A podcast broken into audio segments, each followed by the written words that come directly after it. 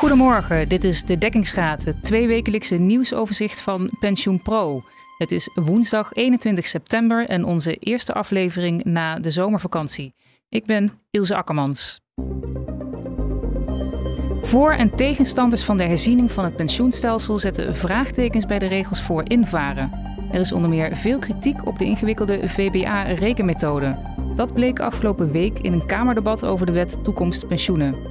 In reactie daarop zijn minister Schouten op de tweede debatdag bereid te zijn in de wet op te nemen dat de standaard rekenmethode de norm is.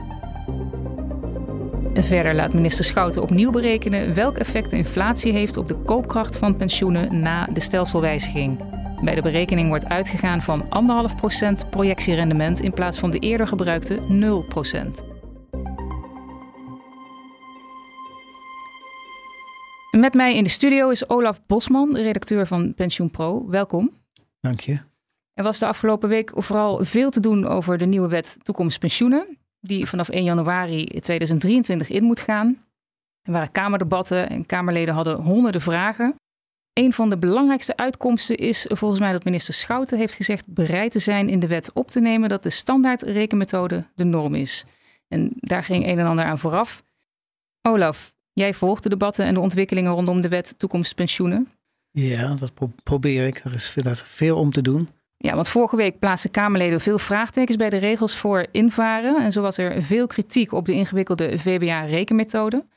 Kun je kort uitleggen wat dat is? Die VBA-rekenmethode, nou dan kunnen pensioenfondsen hebben dan de ruimte om uh, zelf allerlei aannames te doen over wat er in de toekomst uh, gebeurt. Mhm. En om die aannames, daar kunnen ze rekening mee houden bij het verdelen van uh, ja, de pot pensioengeld die er op dit moment is.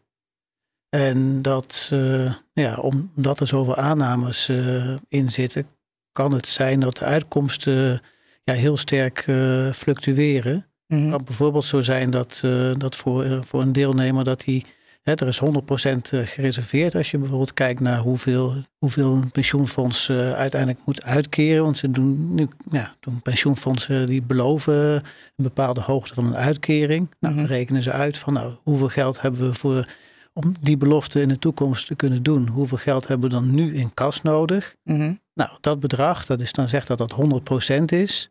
En als je die VBA-methode gebruikt, dan kan het zijn dat die deelnemer maar 47% daarvan meekrijgt in zijn persoonlijke pensioenpot na te zijn ingevaren. Mhm. Nou, dat, uh, dat is een van de, van de problemen, zeg maar, met, uh, met die VBA-methode. Dat dat ondoorzichtig is, onduidelijk is en uh, dat die fluctuaties dus heel groot zijn. Ja, ja, want bijna iedere spreker bij het Kamerdebat had bedenkingen bij die methode. Hè? Ja, zeg maar ook de, de, zeg maar de, de woordvoerders van de partijen die, het, uh, ja, die de wet steunen. Niet alleen van de oppositie, is echt heel breed gedeeld. Ja, ja, ja precies. Want ja, naast die rekenmethode bestaat er ook een standaard rekenmethode. Uh, waarom zijn er eigenlijk twee rekenmethodes en wat is daar het verschil tussen? Ja, volgens het kabinet is het uh, handig om twee methodes te hebben, omdat de standaardmethode te, te standaard of te eenvoudig is om rekening te houden met, uh, ja, met verschillen die er kunnen zijn bij pensioenfondsen.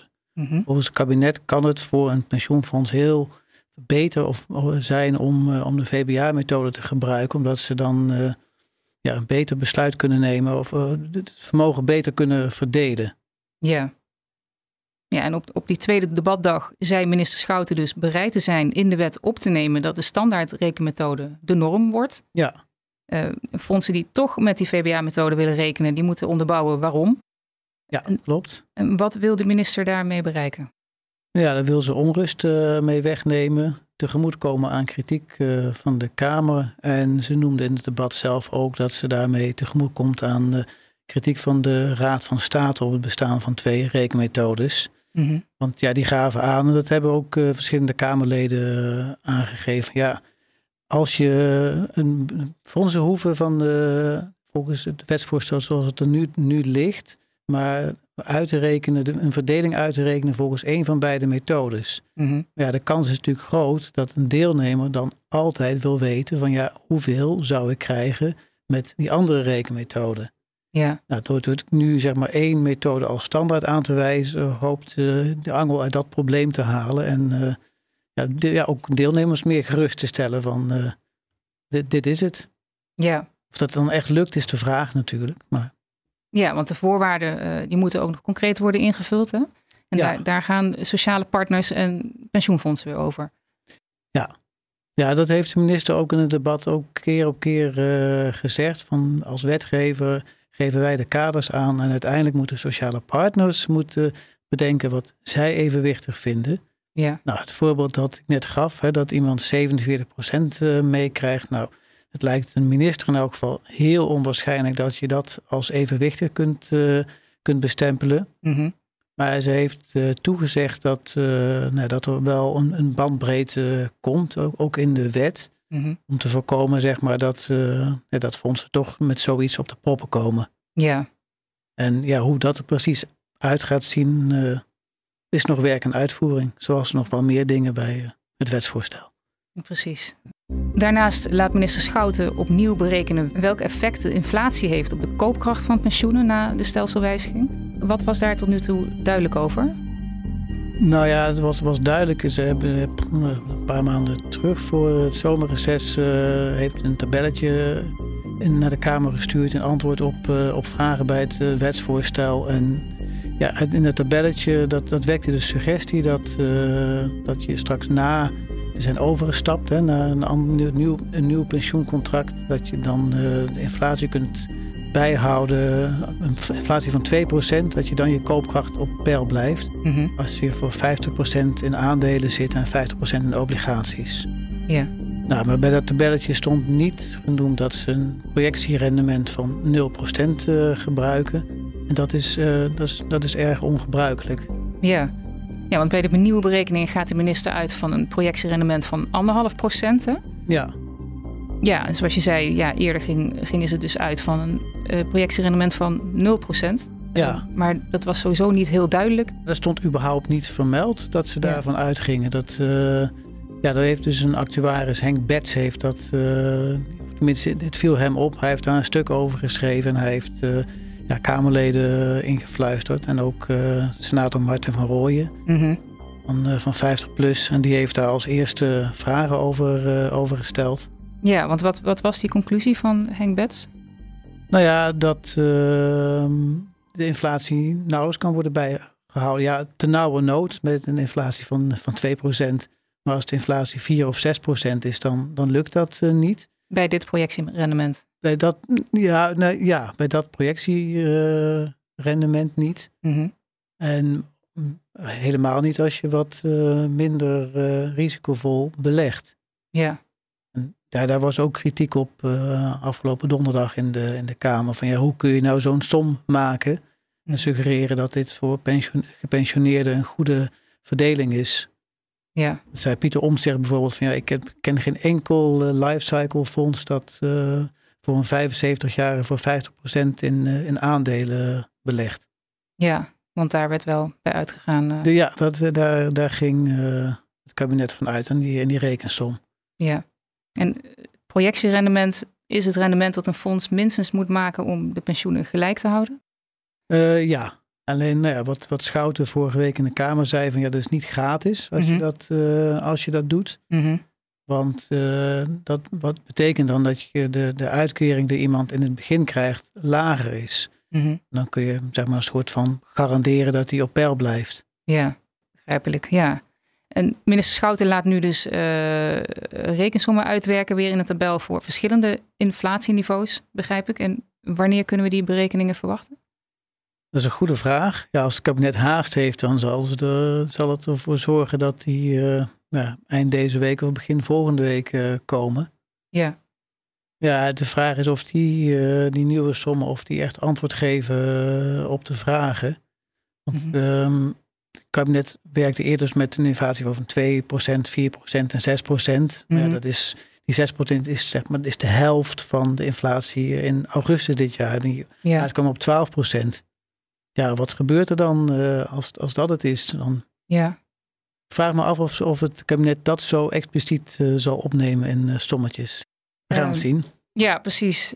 Ondertussen wil de oppositie nog altijd wachten op de vertraagde scenario's van de commissie Parameters.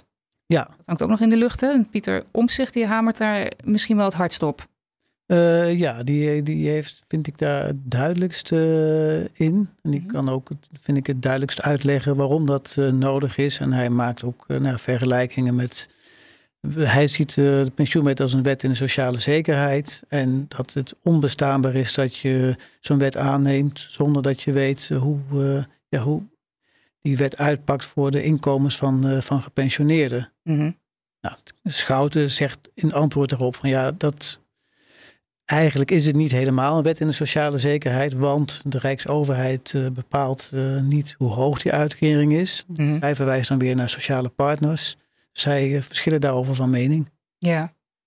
Hoe belangrijk zijn die parameters nog nu de standaard rekenmethode de norm wordt?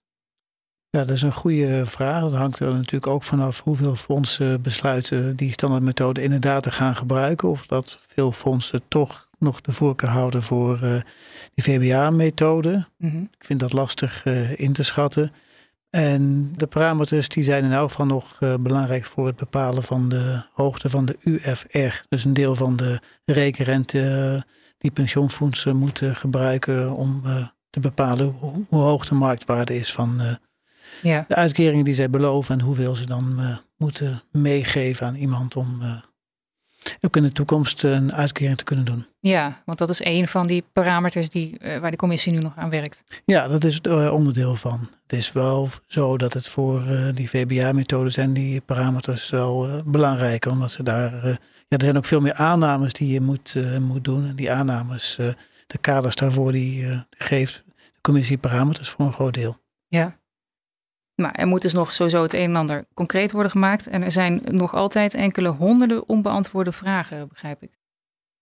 Ik heb niet geteld hoeveel vragen de minister afgelopen donderdag heeft beantwoord. Ze vertelde aan het begin van het debat dat ze 300 vragen had gekregen uit de Kamer. Mhm. Die heeft ze opgeknipt in 11 blokjes. En vier van die blokjes heeft ze behandeld. Mhm. En er komen nog uh, ja, best ingewikkelde blokjes. Nabestaande pensioen, mm werkende zonder pensioenopbouw. Mhm. En morgen, uh, eh, 22 september, dan bespreekt de vaste commissie voor sociale zaken hoe de wetsbehandeling verder gaat. Zijn daar al dingen over te zeggen? Nou, wat er volgens mij concreet over te zeggen is dat uh, in elk geval de vraag op tafel komt van nou moeten we de wet artikel voor artikel behandelen. Dat mhm. is een, uh, een, vraag die Pieter Omtzigt heeft opgeworpen. Mhm.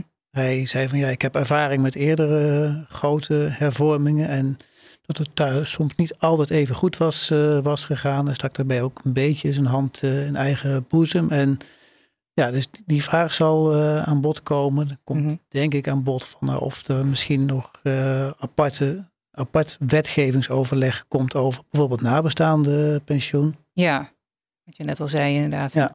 en die datum van 1 januari komt ondertussen snel dichterbij. Hoe groot acht je de kans dat de invoering van het nieuwe stelsel toch opschuift? Die acht ik groot. Mhm. Ja, de grote drie coalitiepartijen, dus VVD, D66 en CDA, hebben al aangegeven niet te hangen aan uh, eh, 1 januari 2023. Mm VVD en CDA hadden dat al gedaan voor de zomer.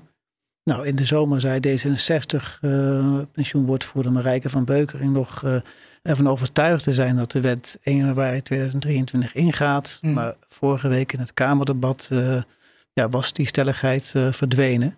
Ja. En afgelopen donderdag uh, zei de minister in haar antwoord uh, ook van nou, het is voor mij, het is geen heilige totempaal, die 1 januari 23. Ja. Het is voor haar zelf geen doel op zich. Ja. Ja, want er liggen inderdaad nog heel veel vragen. Er wordt nog een en ander doorgerekend. Waar, waar hangt het vooral mee samen dat de datum wellicht opschuift? Ja, ik denk dat uh, een duidelijk punt is dat die wetsbehandeling veel meer tijd kost dan de Tweede Kamer zelf voor de zomer had eh, bedacht. Mm Ze hadden toen bedacht, nou, we gaan één dag een wetgevingsoverleg doen. En dan hebben we twee dagen, we dan zeg maar in de grote zaal van de Tweede Kamer dan uh, een plenaire behandeling doen. Ja. Nou, dat idee dat is helemaal losgelaten. Mm Afgelopen donderdag was het idee om de eerste dag van de plenaire behandeling te hebben. En die plenaire behandeling dan af te ronden op 28 september. Ja. dat is helemaal uit beeld. Nou, er zijn al snel nog twee of drie uh, wetgevingsoverleggen nodig, zo niet meer, om, om toe te komen aan de plenaire behandeling. Ja. ja de, en het kabinet moet dan nadenken hoe ze tegemoet gaan komen aan de wensen van bijvoorbeeld PvdA GroenLinks om ja, de, het aantal werkenden zonder pensioenopbouw te verkleinen. Ja, want de steun van oppositie is sowieso nodig om door te kunnen met de wet. In de Eerste Kamer heeft de coalitie geen uh, meerderheid. En daar is de steun van uh, de partijen die het pensioenakkoord hebben gesteund. De PvdA en GroenLinks, dat zijn de partijen die dat doen naast de regeringspartij, mm. zeer welkom. Dankjewel, Olaf Bosman. Dit was de dekkingsraad van PensioenPro met de laatste ontwikkelingen in de Nederlandse pensioen- en beleggingssector. Op pensioenpro.nl lees je meer. Heb je ideeën of suggesties voor ons? Laat het ons dan weten op redactie.pensioenpro.nl. Fijn dat je luisterde. We wensen je een fijne dag. Tot over twee weken.